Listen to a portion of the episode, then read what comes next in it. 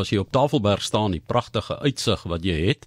En ek het Saterdag in Reis sonder grense juis gesels met Charles Hopkins van de Grendel oor die verbintenis tussen uh, die graafs van de Grendel en die kabelkarretjie of die sweefspoor kapse sweefspoor maatskappy en dat jy nou hulle wyn daar kan proe van de Grendel bo op die berg. Dit is nou 'n formele proe en die die siklus wat al voltooi is van ek dink in 1929 rond af. En toevallig is dit hoe ons nou die land gaan bou ook vandag Martelies. Ons gaan 'n bietjie op 'n hoë noot hier Februarie in sou ek sê. Ja, dit is een van daai groot groot toerisme bestemmings en Dawie Botha wat vir ons verduidelik hoe dit gebou is, ons land en dis die werk van Louis de Waal waarop hy fokus wat dan ook die Tafelberg sweefspoor insluit. Dawie is 'n siviele ingenieur. Hy was onder andere vir 19 jaar die uitvoerende direkteur van die SA Instituut van Siviele Ingenieurswese en as ingenieur is hy tans mede-voorsitter van Proset. Dit is Science Engineering and Technology onderafdeling van die Nasionale Wetenskap en Tegnologie Forum. Hoeveel keer is jy al op Tafelberg Dawie met die sweefspoor? Ek dink ek was al so 3 keer. Moet ek sê in my lewe op. Martelies, ek dink ook so 3 keer jong, maar uh dis volgende maand my verjaardag maand en ek dink ek gaan daai gratis kaartjie benut. So ek wil weer 'n slag gaan gaan met daai sweefspoor ry. Maar ja, ons nee, fokus spesifiek op Louis de Waal nie algemeen. Vertel ons meer ja. van hierdie persoon wat so baie bygedra het tot ons land. Ja, kom ons kom ons begin net eers gou daarso by die uh die sweefspoor. En soos julle ook gesê, dis 'n absolute integrale deel van ons toerisme in die Wes-Kaap. En volgens my bronne is daar al 30 miljoen passasiers met daai sweefspoor boontoe. Ek hoop die meeste daar nog weer ander onder toe gekom. Weet wel van mense wat wat boontoe ry en dan afstap en ensovoorts. Maar goed. En baie beroemde mense het ook kom saamry onder andere Sir Edmund Hillary wat Berg Everest sogenaamd oorwin het. Nou ek dink nie mense oorwin 'n berg nie maar nou ja, dit is dit is sy uh sy roem en daardie lys lees jy vir wie is wie. Nou ek het na Johan se praatjie Saterdag geluister ook oor die graaf se betrokkeheid. Dit is inderdaad so. Nou ek wil daarom net so ietsie oor Afrikaans en Engels sê. Die Engelse woord aerial cableway is daarom nie so beskrywend nie, né? 'n Sweefspoor is vir my baie meer beskrywend veral as jy ou kyk so na die kabelkarretjies aan daardie lang kabels. Hulle sweef inderdaad van bo na onder en en onder na bo. Ehm um, en vir die meeste van ons uh ek is nou so 3 kwart eeu oud so was die sweefspoor maar altyd daar en as mense in die Kaap uh, kom dan kyk jy altyd op vir daai huisie daarbo en uh, kyk of jy 'n karretjie kan raak sien. Nou soos jy gesê het die sweefspoor is in in 1929 is die oorspronklike een gebou. Nou die die Tafelberg is redelik onlangs om dit so te stel een van die sogenaamde nuwe natuurwonders die sewe van die wêreld maar hier teen die laat 1800s het die mense al begin droom oor 'n maklike manier om daar bo daardie bergtafel te kom. Nou Tafelberg is so bietjie oor oor 1000 meter bo seevlak. En om te dink die ouens het self 'n tandrad spoorlyn oorweeg om daar op te klim. Nou ja dit sou seker weer 'n ander storie gewees het teen daai tyd was tandrad spoorlyne of spoor uh stukkie spoor nogal gewild in Amerika. Toe was daar 'n hele klomp pogings om iets te doen, maar dan is dit nou eers die Anglo-Boereoorlog en dan is dit die Eerste Wêreldoorlog, maar toe in 1926 het uh 'n uh, Noorweer, ek hoop ek spreek dit reg uit Trigvi Stromso planne voorgelê vir so 'n sweefspoor. En toe die Duitsers gekom Adolf Bleichert in Kief van Leipzig in Duitsland het die kontrak gekry om te bou en daar in 29 is hy toe voltooi. Dis natuurlik 'n ongelooflike uh, ingenieursprestasie hierdie sweefspoor. Ek vermoed dis een van die mooistes in die wêreld. Uh mens moet seker eintlik sê twee sweefspore want daar's twee stelle kabels, elkeen met 'n kabelkarretjie. Nou ek kon nie die details verder opspoor nie, maar ek vermoed dit was 'n stryd om daardie kabels bo te kry. Dis nou 'n gesprek vir 'n ander dag. Die koste ook was astronomies, 100 000 pond. Nou in vandag se taal is dit nie baie baie miljoene. Nou kom ons kom 'n bietjie nader na Louis de Waal se se se rol. Uh so deur die jare is die sweefspoor en die karretjies verskeie kere opgedateer en vernuwe En die laaste keer was nou in 1997.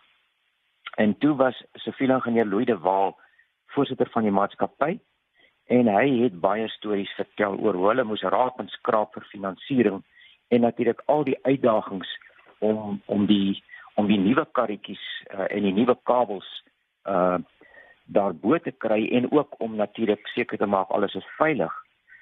Hy het uh, hy het so ken Mark merk en lag hierdie leeu Louis. Hy's 'n leeu ook ja. En uh hy vertel byvoorbeeld die uitdagings, die kabelhuis daai kabelhuisie daarbo op wat so klein lyk. Nou met die nuwe kabelkarretjies wat heelwat swaarder is en die kabels moes hulle toe daardie uh kabels anker so eentjie agtertoe in die berg. Met ander woorde as jy nou boontoe gaan, dan gaan die kabels gaan dwars deur en dan word dit agter in die berg ge geanker. En die rede hiervoor is natuurlik dat hierdie spulletjie wat nou daar is nogal gewigtig is. 'n Mens kan maar net dink hoe hard daardie kabels trek aan die berg en die gebou.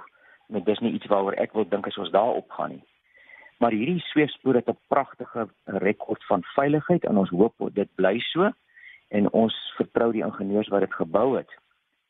Hierdie uh, sogenaamde nuwe karretjies sal ek maar sê, hulle draai nie rondte. En so almal in daai karretjie kry kans om die uitsig te bewonder. En dit is nou 65 passasiers is die maksimum. En dan duur daai rit so 5 minute en dit wil sê hy beweeg nogal redelik vinnig, 10 meter per sekonde. Wat min mense weet is hierdie karretjies het ook elkeen 'n 3000 liter watertank onderaan En dis nou om vars water bo op die berg te kry. En dan na elke dag se bedrywigheid as die passasiers eers afgelaai is, dan bring die karretjies weer vuil water onder toe. Daarom nie in die drinkwater tank nie, hoor. Maar dis 'n tank wat onder aan die karretjie vasgemaak is. Nou as mens nou dink aan die aan die massa, dan praat jy waarskynlik van 3 ton water en uh as daar die 65 mense bykom, dan praat jy miskien van 8000 uh 8000 kg ek nou praat nou tonne en al nog goed deurmekaar 8000 kg en dan is die karretjie nog nie eers by nie. So dit is 'n dit is 'n swaar ding wat daar hang. Nou Louis is 'n baie veelsidige ingenieur en hy was onder andere ook ons SAICI president in 1990. En soos wat Werner Journey nou die dag ook gesê het, was een van Louis se passies om infrastruktuur te benut tot voordeel van al ons mense. Hy was werklik 'n mens mens of is 'n mens mens. In sy presidentsrede het hy 'n ander interessante ding gesê toe hy Wendell Holmes aangehaal het. Hy sê a human mind once stretched to a new idea never goes back to its original dimensions. Dis nogal iets om aan te dink. So mense moet altyd maar uh, iets nuuts begin probeer. Hierdie einste Louis sportman, groot liefde vir die sport. Hy was ook betrokke by die stigting van die Agus fietstoer wat natuurlik wêreldbekend is. Hy was ook die, een van die stigterslede van Ben Bikes. Dis die Bicycle Empowering Network wat op groot skaal daar in die Kaap van fiets die gebruik van fietses bevorder het. Fietspaadjies is gebou en hy het gehelp ook of hulle het gehelp om 'n fietsry kultuur te skep. Nie net vir ontspanning nie, maar 'n alledaagse vervoermiddel. Nou gelukkig is die Kaap dan redelik plat meeste van die tyd. Maar dit was selfs vir Louis nie genoeg nie. Hy was ook president van die Automobielassosiasie op 'n stadium. So hy het groot en diep spore getrap in in sy professie en in diens van Suid-Afrika en sy mense natuurlik. Nou ten slotte verstaan ek daar was oorspronklik 'n 99 jaar kontrak gesluit met die maatskappy wat hierdie sweefspoor gebou en bedryf het. En daardie kontrak kom dus binnekort tot 'n einde en nou wonder ek wat gaan nou gebeur. Maar in elk geval soos ek reeds gesê het, uh volgende maand as jy verjaar kry jy gratis rit. So ek kom miskien Februarie Kaap toe om daardie voorreg op te eis. Ja, is dit so, dit is die hoogtepunte van van ons Wes-Kaap besoek. Daar wees mos nou om die draai, né? Daar jy sê jy het nou daai 3 kwart eeu feesvieringe agter die blad. Jy gaan nou vir die 100tal. So 76 ja, nie uit nie. Dis 'n wonderlike ouderdom. So baie geluk met jou verjaardag wat voorlê. Ja. En uh ja, mag jy jou gratis kabelrit geniet, jou sweefspoor wat so mooi klink. En De Waal pad is ja. dan sekerlik vernoem na Louis De Waal. Die De Waal Drive, né? nee, dit was 'n ander De Waal. Was dit 'n ander De Waal? Goed. Ook... Ja, nee, nee, nee.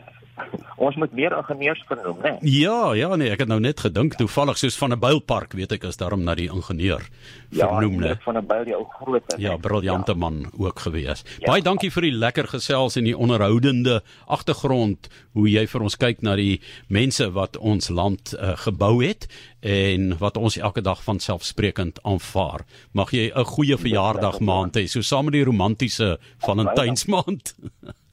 Daar sê. Mooi loop. En uh, Dankie. soos soos julle weet, is hy ehm um, by ons om te gesels Dawie Botha, 'n siviele ingenieur, onder andere vir 19 jaar die uitvoerende direkteur van die SA Instituut van Siviele Ingenieurswese, ehm um, by ons in die 360 ateljee om vir ons te vertel van die interessante geskiedenis van hoe ons land gebou is.